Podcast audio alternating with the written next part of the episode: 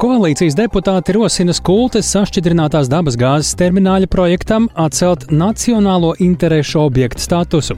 To piešķīra vien pirms gada. Radījumā pēcpusdienā skaidrosim, kāpēc politiķi domas mainījuši.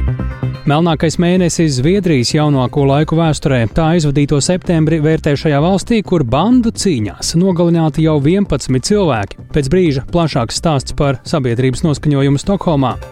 Un ārstēties bērnu slimnīcā no nākamā gada vasaras kļūs patīkamāk, tā sola ārsti, svinot topošā neatliekamās medicīniskās palīdzības centra un ambulatorā veselības centra spāru svētkus. Par to visu plašāk raidījumā pēcpusdienā kopā ar mani Tāli Eipuru.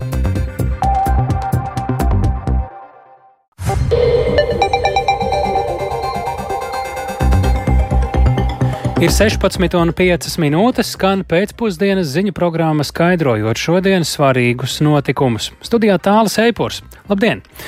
Turpinās atkāpšanās no sašķidrinātās dabasgāzes termināļa projekta Latvijā. Koalīcijas deputāti rosina atcelt likumu, kas nosaka nacionālo interesu objektu statusu skultes sašķidrinātās dabas gāzes terminālim. Likums tika pieņemts vien pirms gada, taču tagad deputāti no visām trim koalīcijas frakcijām iesnieguši priekšlikumu to atcelt. Šogad arī vēl iepriekšējā valdība noraidīja termināļa attīstītāju un arī strateģiskā investora piedāvātos projekta sadarbības nosacījumus. Pie mūsu klausulis viens no deputātiem iesniedzējiem, bijušais klimata un enerģētikas ministrs Raimons Čudars no jaunās vienotības. Labdien! Labdien!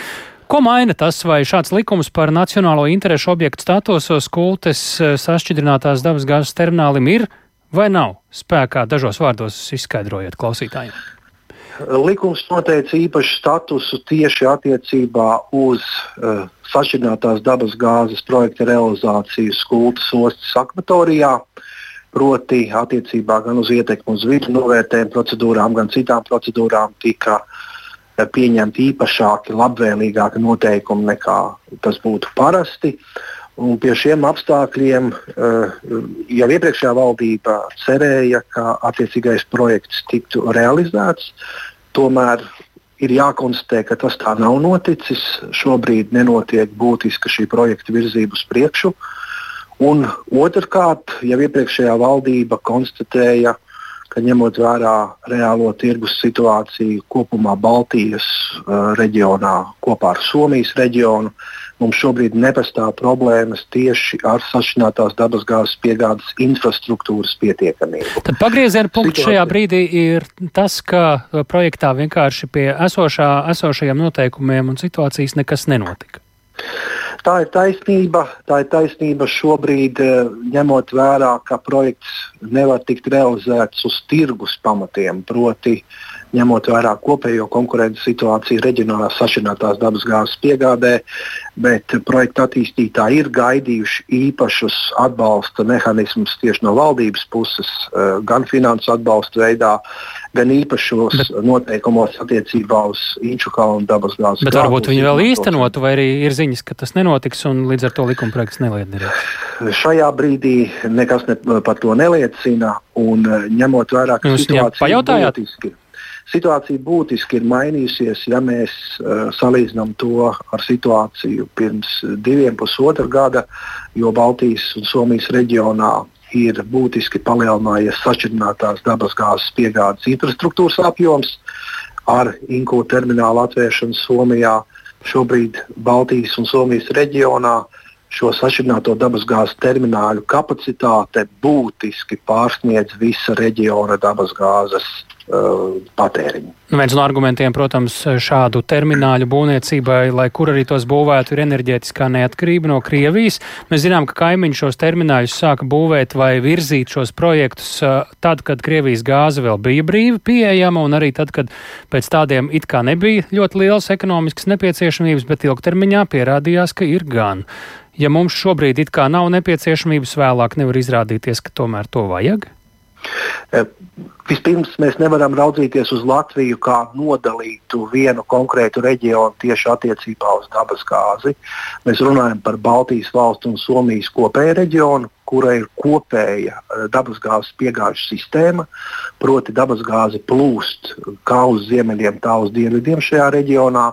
un Latvijai te ir ļoti īpaša loma, kas ir saistīta tieši ar dabasgāzes uzglabāšanu Inčukalnu dabiskā dabasgāzes krātuvē, kas ļauj mums atrasties šīs sistēmas centrā. Respektīvi, viņiem Proti, arī nav citur, kur glabāt arī mūsu kaimiņiem to gāzi. Tieši mums. tā, un mēs šobrīd runājam par uh, dienvidos esošo Klaipēdas terminālu un ziemeļos šīs sistēmas kopā ietvaros esošo terminālu Inku, kurš pilnībā nodrošina dabasgāzes apjomu piegādi visam reģionam. Tas arī Labi. ir pilnīgi skaidrs redzams. Bet šis neizslēdz tas, ko jūs atceļat uh, likumu par šo dabasgāzes uh, terminālu projektu skultē, uh, ka viņam ir īpašais status.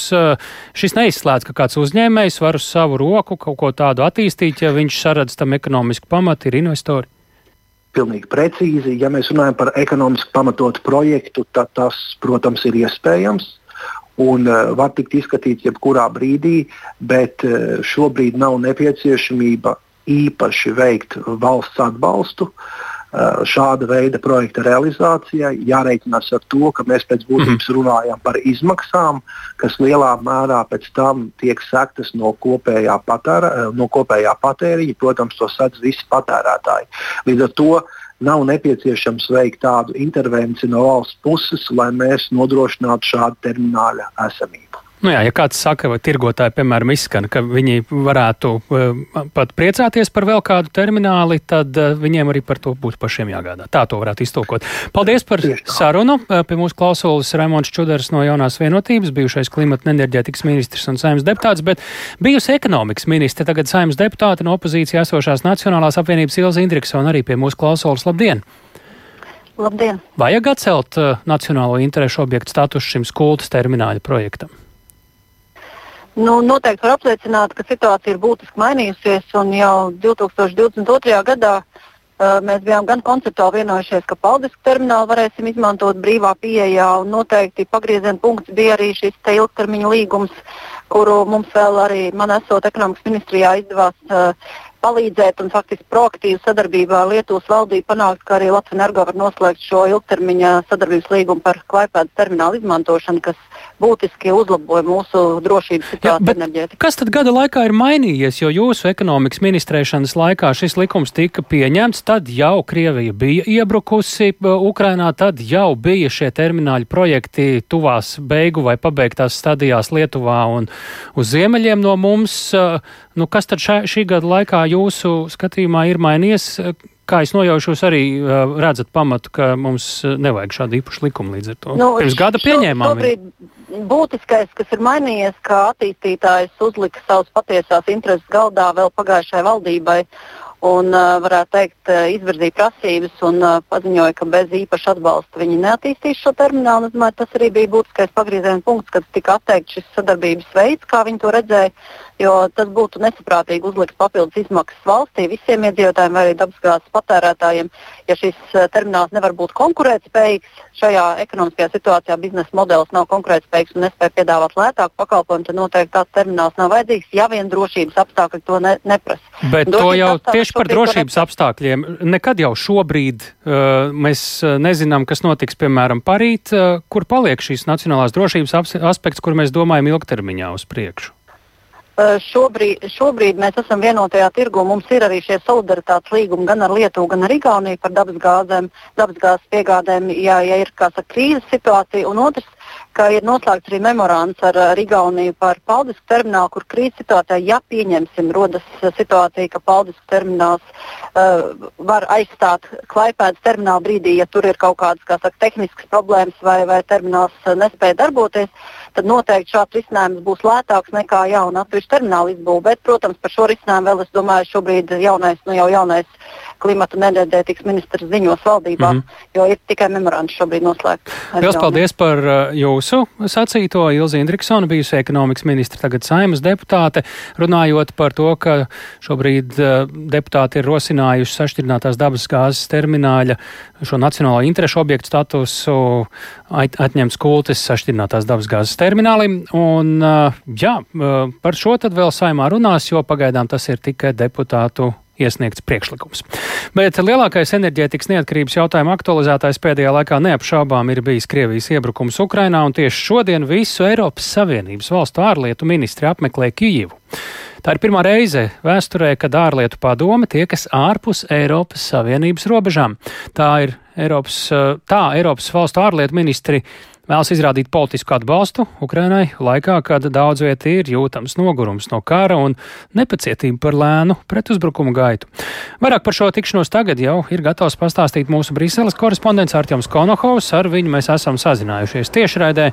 Sveiks, Arčom! Cik tad zīmīgs, tavuprāt, ir šāds visu Eiropas Savienības ārlietu līderu brauciens uz Kijevu? Labdien, tālu, labdien, klausītāji! Tik tiešām šis ir diezgan zīmīgs brauciens, jo eh, nekad šādas tikšanās, eh, neformālas tikšanās nav notikušas ārpus Eiropas Savienības robežām. Tik tiešām ārlietu ministra mēdz tikties, piemēram, Ņujorkā, kad ir ANO eh, asamblēja, ģenerāla asamblēja, bet šeit, tādā valstī, kas vēlas pievienoties Eiropas Savienībai, protams, sarīkot tādu tikšanos ir, protams, liels, liels signāls gan par atbalstu Ukrainai no Eiropas Savienības valstīm, gan arī par to, ka Ukraina pamazām tuvojas, lai kļūtu kādu dienu par Eiropas Savienības dalību valsti. Un, protams, nekāda tāda būtiska lēmumi netiek sagaidīta, kā to arī paskaidroja Eiropas Savienības augstais pārstāvis ārlietās Žozefs Borels. Tā drīzāk ir diskusija par to, kā vajadzētu virzīties uz priekšu. Paklausīsimies viņa sacīto. Kind of Šādas sanāksmes tiek dēvētas par neformālajām, jo pirmkārt tās notiek ārpus Eiropas Savienības teritorijas, un otrkārt tās tiek uzskatītas par augsta līmeņa politisku diskusiju, kuras mērķis ir nevis panākt kādu konkrētu lēmumu, bet gan sarīkot prāta vētru, kas mums visiem kopā ir nepieciešama, lai paskatītos uz situāciju karā pret Ukrainu, uz to, kā Eiropas Savienība atbalsta Ukrainu un kā mēs varētu to turpināt. Un, protams, runājumā ir daudz gan par militāro atbalstu, gan par pievienošanos, gan arī par sankcijām un daudziem šiem jautājumiem, ko vēl varētu darīt labāk, efektīvāk, ātrāk. Tie visi ir jautājumi, kas tiek apspriesti, un arī, protams, par finanšu atbalstu no Eiropas Savienības, jo tur arī ir līdz šim bijuši zināma domstarpības, zināmas domstarpības, bet tomēr šķiet, ka varētu būt arī kāds progress par jauniem 500 miljoniem no Eiropas Savienības Ukrainai. Tāli. Jā, Arčām, nu interesanti, ka šī vizīte notiek tikai dienu pēc tam, kad uh, kļuva zināmi Slovākijas vēlēšanu rezultāti. Tagad izskan bažas, ka šī valsts varētu ieņemt tādu Ungārijai līdzīgu pozīciju, kas ir pret Eiropas Savienībiska un pret NATOiska un uh, prokremliska. Interesanti, jo šo valstu abu ārlietu ministri visticamāk arī ir Ukrainā šodien. Šobrīd arī ir zinām neskaidrība par turpmāko finansiālu atbalstu no ASV. Kā tas viss atbalsojas šajā braucienā? Neapšaubām par to tiek uzdots ļoti daudz jautājumu. Politiķiem tiek prasīts, kā viņi rēģē uz to, ka arī ASV nav šajā pagaidu finansējumā valdības darbības turpināšanai iekļāvušas naudu, kas būtu atbalsts, turpmākais atbalsts Ukrainai, kādu signālu tas sūta. Par to tika prasīts arī Ukrainas ārlietu ministram Dmitro Kulevam, un viņš ir tomēr teicis, ka viņam šķiet, ka gan republikāņi, gan demokrāti ASV labi apzinās, ka atbalsts Ukrainai ir nepieciešams un ka tas arī vairāk vai mazāk ir viņu interesēs un visas demokrātiskās pasaules interesēs. Paklausīsimies viņu sacītam. Mēs nejūtam, ka ASV atbalsts Ukrainai būtu sagrauts, jo ASV labi apzinās, ka Ukrainā uz kārtas tiek likts krietni vairāk nekā tikai Ukraina.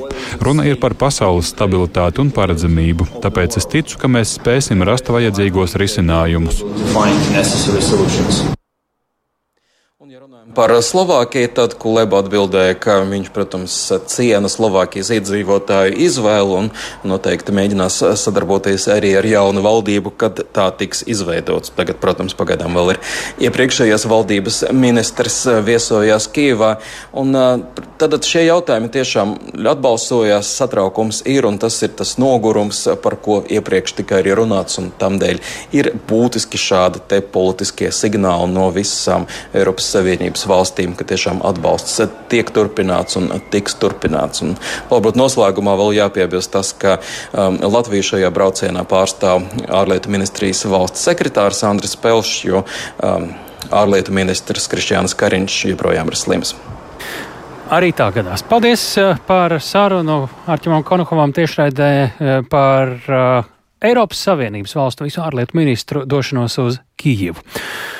Bet tagad par drošību, ja precīzāk nedrošību Zviedrijā. Valstī, kuras vārds mums raisa domas par dzimumu līdztiesību, par sociālo nodrošinājumu, par ziemeļu tādu praktisko dizainu un citiem mierīgas un sakārtotas dzīves labumiem, bet šī brīža pašu jaunāko ziņu virsrakstos šo valsti nu jau dēvē par Eiropas šaušanas noziegumu epicentru.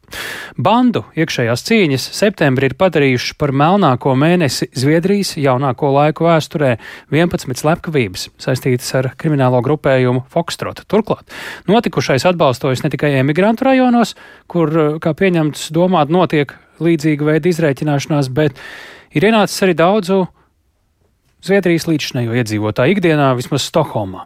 Par Zviedrijas galvaspilsētā piedzīvoto un sabiedrības noskaņojumu mums ir gatava pastāstīt kolēģi Ieva Puķe, kur tikko no Stokholmas arī ir atgriezusies. Sveiki, Ieva, tu tā tad atlidoji tikko no Zviedrijas vakar vakarā, jā? Jā. Uh, un uh, esi bijusi faktiski arī uh, pati gandrīz vai nezinot, pēc tam to tūdaļ saprotot tajos Stokholmas mikrorajonos, kur tieši tajās dienās faktiski blakus notika šie noziegumi. Saki, ko tu redzēji, ko par to tev sacīja cilvēki tev apkārt? Jā, sveiki, tālāk, sveiki, klausītāji. Varbūt es sākšu ar ziņu, ko vēl šorīt es saņēmu no Zviedru draudzenes, pie kuras bija apmetusies līdz vakardienai. Tad lasu, šonakt tikai divi bumbu sprādzieni pēdiņās tikai un māju ugunsgrēki, bet neviens nav nošauts. Um, tā tad uh, tur nekas nav beidzies. Uh, komandējumā uz Zviedrijas devos pagājušo trešdienu, un es dzīvoju Froningen rajonā tikai 20 minūšu braucienā no Stokholmas centra. Tas ir tāds mierīgs 50. 50. gados celtu māju rajons, kur tūmā savulaik apmetās arī Zviedrijai ieceļojušo latviešu ģimenes, piemēram, Juris Kronbergs un Pāvils Johansons, un kur cilvēki joprojām neslēdz ciet durvis. Diemžēl tieši tās dienas vakarā, kad es ierados Zviedrijā, Froangena futbola laukumā, visu spēlētāju acu priekšā saļima kāds 18 gadus vecs puisis. Kā var redzēt fotografijās piemiņas vietā, kas tagad ir atklāta pie Froangena stacijas, tumšādains jaunietis. Tur dega svecītes un bija nolikti ziedi. Um, Tas bija kā šāviens, vai, vai jā, kas? viņš jā. bija nošauts, bet mm. slepkava mm, nav, nav atrasts. Nav atrasts vai vismaz mums, mums policija par to nav devusi ziņu. ziņu. Un tad piekdiena, tātad pirms divām, nu, trīs dienām, es devos uz vecu un prestižu rajonu, kas ir vēl tuvāk Stokholmas centram, Odenplām, un atkal tas pats skats, piemiņas vietas, vecītes, pēc uzrakstos kartiņas bija redzams, ka tur ir nogalināts Giovanni, acīm redzot atkal emigrantu kopienas pārstāvis, un ar bandu Fokstrot saistīts arī ir sprādziens netālu no Opsals, kurus spriežot pēc mediju ziņām gāja bojā nejauša kaimiņiene nevis kāds, kam šis sprādziens bija mērķēts. Uh, un tātad piekdienas Zviedrijas premjeras jau paziņoja, ka situācijā iesaistīta arī armija, un es to patiešām arī uh, sapratu, ka šie spēki ir mobilizēti, jo front gan ielās varēja redzēt arī, daudz policijas, un brīvdienu naktīs es dzirdēju operatīvo dienestu sirēnas un helikopteru skaņas, un turklāt bija pilnmēnesis aiz loga, tā sajūta tiešām tāda kā kaut kādā Zviedru krimināla romānā, bet tā bija realitāte, un vairāk stokholmieši, ko satiku, pastarpināti pazina kādu no nogalinātajiem un uzsver, ka tie patiešām bijuši pavisam normāli puiši, turklāt ļoti jauni. Klausieties, ko stāsta Latvieta Dace Balone, Balode, ko brīvdienās sastapa Frangena tirciņā. Tas ir briesmīgi. Bandu kriminalitāte. Tur tiek ierauti mazi bērni, jo viņus nedrīkst tiesāt pietiekami. Viņi ir tie mazie kurjeri. Piesola viņiem lielu naudu, ja tu aiznesīsi to paciņu tur un tur. Un pēc tam, protams, ievāk tevi tajos tīklos un tad sāk tev teikt, ka tu esi parādā. Un tad e, gadās, kad jā, jauniešiem teiks, saka, ok, tu vari to parādu atpirkt, ja tu nogalini tagad šo te, jo rekrutēt ir ierocis. Un manas pašas jaunākās meitas skolas biedri biedrs tika nesen nogalināts. Viņam bija tikai 13 gadi, viņš tika nošauts. Tas liekas tik šausmīgi, ka viens bērns, kuram tikai 13 gadi, ka viņš jau ir bijis tas kurjera puisis un ka būtībā nu, jā, viņa dzīve ir beigusies ar šo. Skaidrs, ka tam ir saistība ar narkoti, nar, narkotiku karteļiem, un skaidrs, ka problēma ir arī narkotiku tirzniecības apjomi un noiets, nu, cilvēki tās pērk. Runā arī par sociālo nevienlīdzību, un, un, kas ir iemesls šo jauno cilvēku iesaistīšanā, un cik veikli šīs bandas veido šīs schēmas. Turklāt grupēm, kas izreikinās gan savā starpā, gan iekšēji Zviedrijā, tas ir bijis aktuāls jautājums jau ilgākā laika periodā, ne tikai pēdējos gados, bet pat gadu desmitos, un par to tiek runāts kontekstā ar šīs valsts imigrācijas un integrācijas politiku. Uh, un tas ir bijis viens no centrālajiem jautājumiem arī, pirms gada notikušajās parlamenta vēlēšanās. To atgādināja Latvijas Republikas vēstniece Zviedrijā Ilze Rūse. Klausieties! Šis patiešām ir Zviedrijas iekšpolitisks jautājums, ar kuru visas Zviedrijas Riksdāga partijas vienādā veidā ir par to sašutušas notikums, kas varbūt ir eskalējis un kuram ar vien vairāk un vairāk Zviedrijas valdības uzmanība tiek pievērsta arī tās apkarošanas veida atrašanā. Diemžēl šīs te izreikināšanās gaitā cieši vai var ciest arī nejauši iesaistīti iedzīvotāji rajonos vai arī garām gājēji uz ielām. Lūk, tā Latvijas pārstāvs Zviedrijā. Ja? Mm -hmm. Bet vai ir kas tāds, kas būtu jāņem vērā tiem Latvijas valsts piedarīgiem, kur šobrīd varbūt vēl tikai gatavojas doties uz Zviedriju? Ehm, nu, Vēstniece Ilza Rūse uzsver, ka šobrīd iedzīvotāja drošība ir Zviedrijas varas iestāžu prioritāte, un arī Latvijas replikas vēstniecība seko līdzi situācijai. Ehm, tā nav iepriecinoša, bet eh, vēstniecība neredz nepieciešamību oficiāliem paziņojumiem šajā sakarā. Viss tiekot kontrolēts, un arī nu, patiešām dzīve, ehm, ikdienas dzīve Stokholmas centrā, kultūras notikumi, viss, viss, viss nu, turpinās. Mm. Un, eh, nu, iespējams, ka ļoti daudz ceļotāji pat nenojauš, kas notiek mikrorajonos. Jā, bet nu, satraukumu tas sabiedrībā, it īpaši vietējā sabiedrībā, nekādā veidā nemazina. Paldies par sarunu un klātsamības sajūtu tādos visai satraucošos brīžos tepat pāri jūrai. Tikmēr Rīgas ielās pavisam citas raizes, un šeit burtiski runa par ielām. Tikko aizvadītais pasaules čempionāts skriešanā nesis nevienu prieku par diviem labotiem pasaules, vienu Latvijas rekordu. Rīgas pašvaldības amatpersonām tagad ir jāskaidrojas par vienu no trases posmiem Slokas ielā. Tur joprojām rit remontdarbi, tāpēc eh, čempionāta norises laikā skrejēju vajadzībām ieklāja pagaidu asfaltu, kas tagad atkal būs jāuzlauž. Skaidrojumu pašvaldības amatpersonām par to prasa Rīgas mērs Vilnis Čirsis no jaunās vienotības un pašvaldības izpildirektora pienākuma izpildītājs. Situāciju varētu komentēt šīs nedēļas vidū. Kāpēc šādam pagaidu asfaltam pievērst tik lielu uzmanību vairāk Jāņa Kīņša ierakstām? Vēl pāris dienas pirms pasaules skriešanas čempionāta norises Rīgā sociālajos tīklos izskanēja jautājumi, vai skrējiena maršruts patiešām varēs notikt ieplānotajās lokas ielas posmā no Kalnciem ielas līdz Dzeguži ielai. Toreiz vien turpinās plaši remonta darbi. Īsi pirms pasākuma tur ir ieklāta asfalta kārta, taču tas izrādījies pagaidu risinājums, ko atkal noņemšot, lai turpinātu ielas būvu darbus.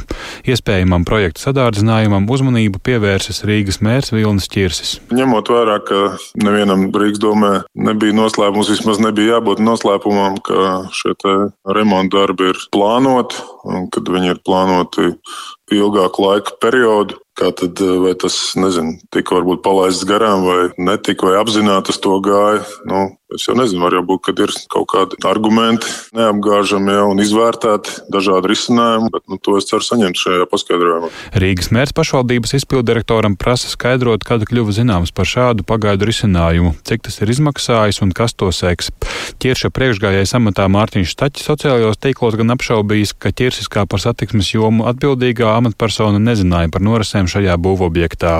Būvdarbi notiek 5. tramvaja maršruta posmā no Slokas ielas un Jūrmālas gatavas krustojuma līdz gala punktam Ilģu ciemā. Šī projekta būvdarbu pasūtītājs ir uzņēmums Rīgas satiksme. Latvijas radio uzņēmumā noskaidroja, ka būvprojekts saistībā ar Eiropas Savienības finansējumu piesaisti jāpabeidz noteiktā termiņā līdz gada beigām, un darbi noritot atbilstoši noslēgtajam līgumam.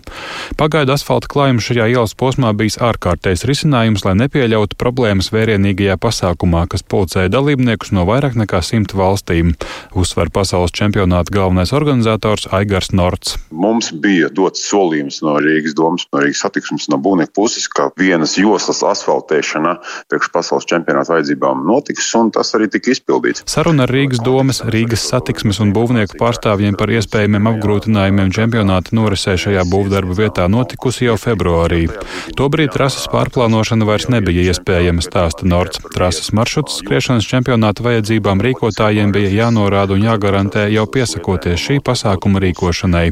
Tas notika 2021. gadā. Pasaules čempionāta trasi viņu jāplāno ir gadu contrato. Ne tikai vietējās saskaņošanas, kas ir policijas darba plānot, medicīnas darba plānot pasākumu laikā, bet visas arī startautiskās, kas ir uh, mērītāji, trases certificēšanā un tā arī pasaules tiešraidi.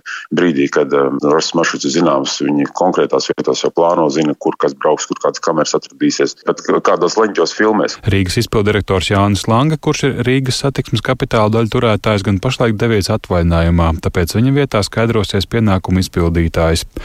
Pēc paskaidrojumu sniegšanas Rīgas mēram to publiski komentēt visticamāk varētu trešdien. Jānis Kincis, Latvijas radio.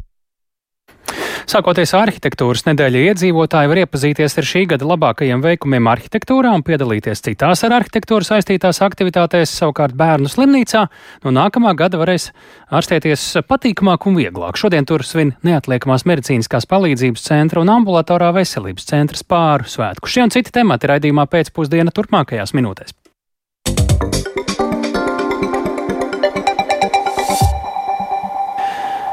Saskābuši un bojāti pārtikas produkti ar pelējumu un nepatīkamu smaku, kartupeļi, neēdami, makaroni, glumi. Šādas un līdzīgas sūdzības par pārtikas produktu kvalitāti veikalos un ēdināšanas iestādēs šogad saņēmis pārtikas un veterinārais dienests. No janvāra līdz augustam saņemti 906 ziņojumi, un tas ir vairāk nekā pērn šajā periodā. Latvijas tirgotāja asociācija atzīst, ka pārtikas veikaliem šobrīd netrūkst izaicinājumu, turklāt sūdzības par pārtikas kvalitātes nodrošināšanu visai bieži izrādās nepamatotas.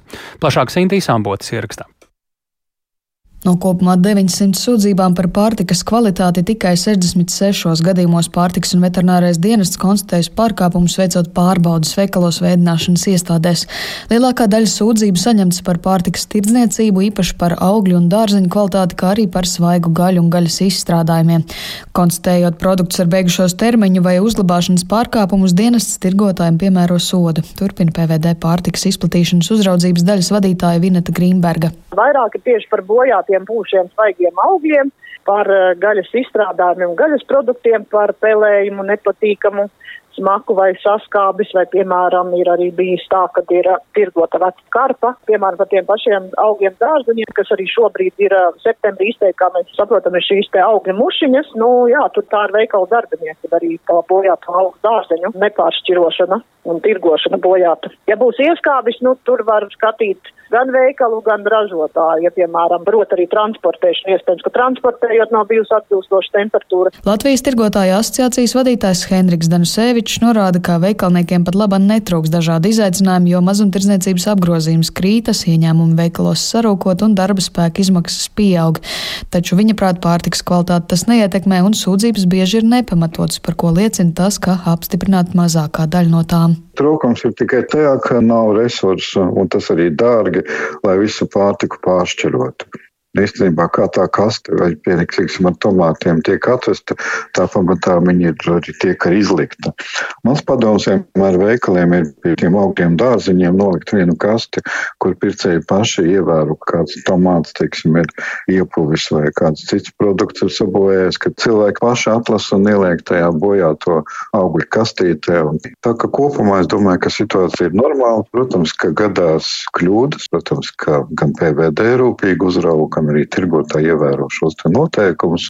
Savukārt tieši par sabiedriskās ēdināšanas uzņēmumiem saņemtas 315 sūdzības par to, ka ēdiens nav pietiekami termiski apstrādāts, tam ir neraksturīga garša, smarža vai konsistence, stāsta PVD pārstāve dažādas sūdzības, kā piemēram, kad ir bijis ēlas burgers, tātad nav bijis pietiekami apstrādāta, kad ir bijis arī metāliska garša picei, vai arī kokteilī, piemēram, ieliktas skābas ogas. Bet, ja runāt tieši par skolu un pirmskolas izglītības iestādēm, tur vairāk ir, kad ir sāls, kad ir makaroni glumi vai, piemēram, makaroni pārvārīti, piemēram, tāda sūdzība kā kartupeļu nēdami. Jo jāsaprot, ka tās sūdzības jau visas ir tādas, nu, subjektīvas un ne visas arī dienas var vairs uh, konstatēt pārdošanā. Salīdzinot ar pagājušā gada astoņiem mēnešiem, šogad šajā periodā pārtikas jomā saņemts par simt sūdzībām vairāk, un šo pieaugumu tendenci PVD skaidro ar to, ka cilvēki pēc Covid-19 pandēmijas ierobežojuma perioda arvien vairāk dodas uz veikaliem un ēdināšanas iestādēm klātienē. Sinti Amboti, Latvijas radio. Turpinām redzējumu pēcpusdienā. Uh, par lietām, kuras eh, pie mums top labākas, eh, nevis tikai problemātiskas bērniem. Ārstēties bērnu slimnīcā no nākamā gada vasaras kļūs patīkamāk un vieglāk. Tā šodien vēstīja slimnīcas ārsti, svinot topošā neatliekamās medicīniskās palīdzības centra un ambulatorā veselības centra spārsvētkus. Uz jaunu ēku varēs pārcelties virkne ārstu un tur palīdzēt bērniem operatīvāk. Un vairāk par to mums ir gatavs izstāstīt kolēģis Viktors Demidovs, kurš mums pievienojas studijā. Nu, pastāsti, kā tad jaunais centrs palīdzēs bērniem. Tas nozīmēs arī iespēju apkalpot arī lielāku skaitu mazo pacientu, ne tikai ātrāk. Jā, labdien! Tad šodien bērnu slimnīcas 104. gada dienā notika, uh, spa, 124. gada dienā notika spāru svētki topošajai ēkai, kur atradīsies neatliekamās medicīniskās palīdzības dienests un daudz dažādu citu ārstu, kas palīdzēs bērniem ārstēties.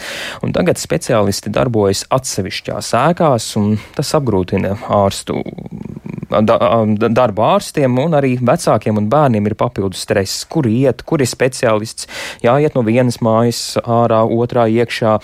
Un, bet paredzams, ka jau no nākamā gada vasaras, piemēram, acu ārsti, endokrinologi, sirds ārsti, ķirurgi, alergologi un virkni dažādu citu speciālistu atradīsies vienā šajā centrā.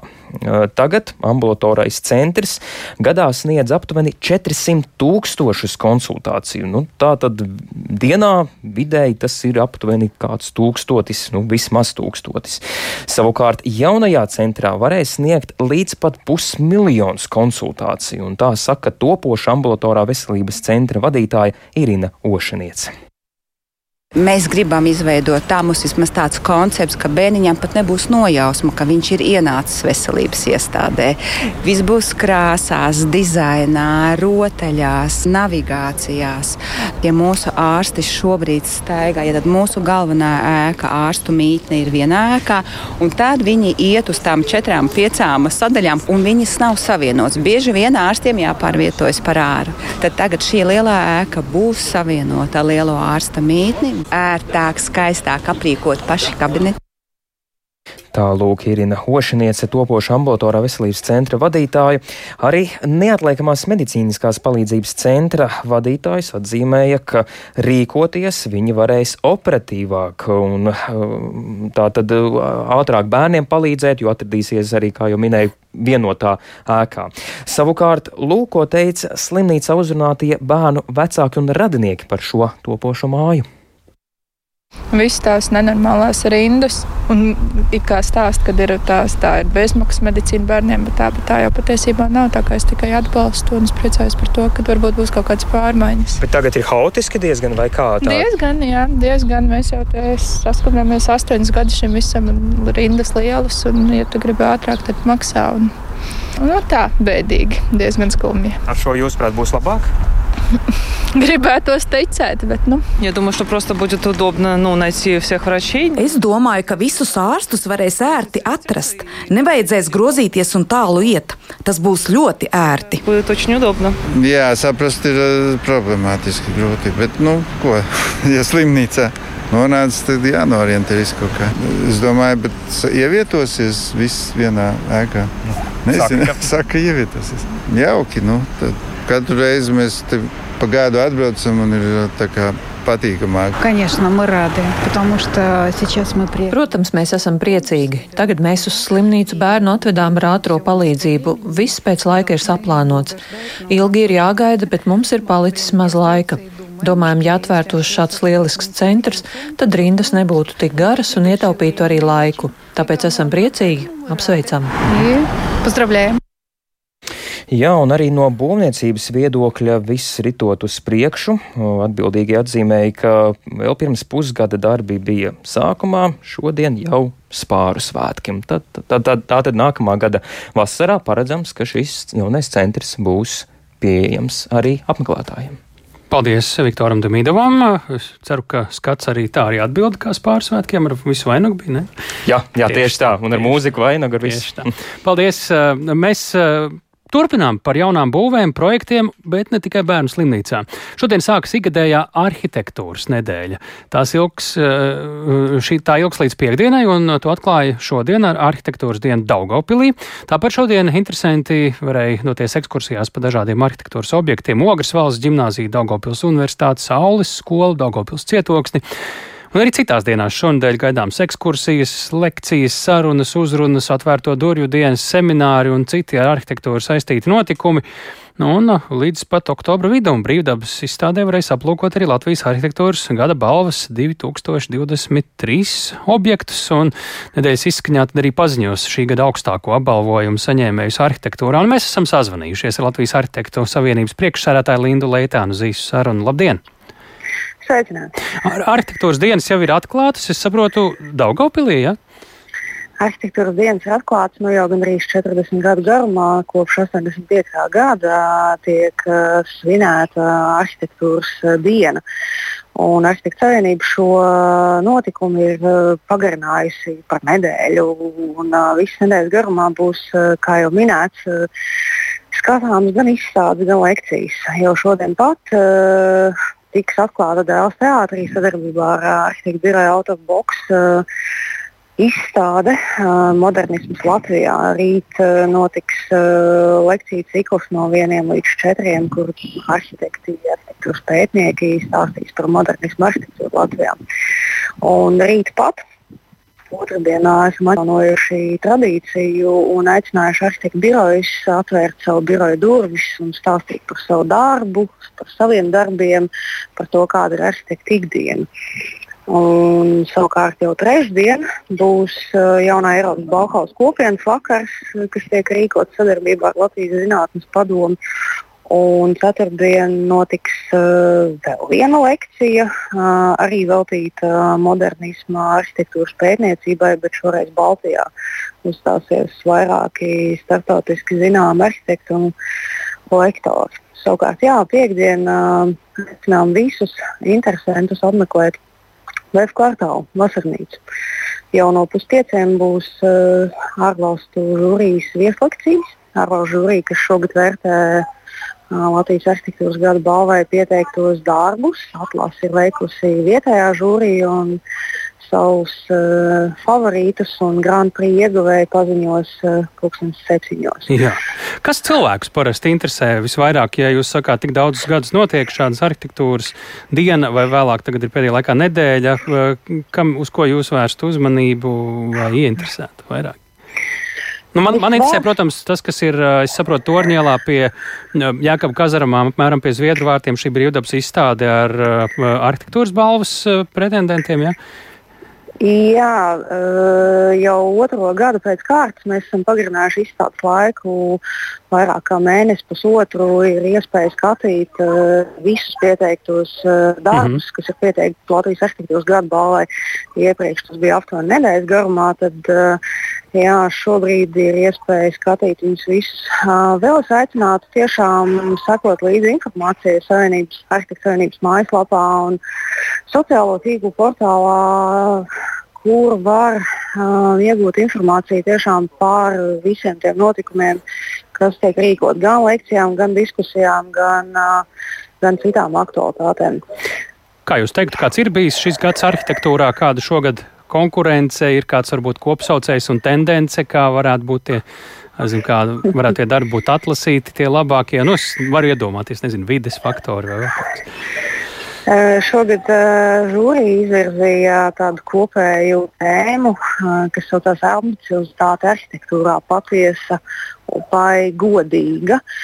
Um, kas izvirza vairākus jautājumus, vai patiesi tas, kas tiek um, īstenots Latvijā, ir tiksim, tā, arhitektūras ar lielā A burta nozīmi, vai tomēr tā ir būvniecība, būvmateriālu mm. apkopojums, tā vai savādāk. Tendences ir visdažādākās. Ir jāsaprot to, ka divos vārdos. ne, netop, netop divu dienu laikā un netop uh, divu gadu laikā ļoti bieži. Arhitektūras objekti tiek īstenoti ilgstošā laika posmā, un tādēļ runāt par kaut kādām kopīgām iezīmēm un tendencēm ir salīdzinoši grūti. Man, atstāsim šo uz arhitektūras gada balvu, tur būs daudz uzrunu. Es pieļauju, ka kādā tiešraidē arī varēs vērot, bet sakām lielu paldies eh, par šo sarunu Lindai Lētānei, Latvijas Arhitektu Savienības priekšsarētājai. Šis bija ziņu raidījums pēcpusdienu, to veidoja tāls Epurs, Ilza Agīnta, Renāša Steimanis, Rita Kārnača, un vēlties šo raidījumu noklausīties vietēji kādam citam vēlreiz vai savērtā laikā, laikā. Ņemiet Latvijas radio mobilo lietotni vai raidierakstu platformas. Mēs tiekamies rīt pēc četriem un piecām. Yeah.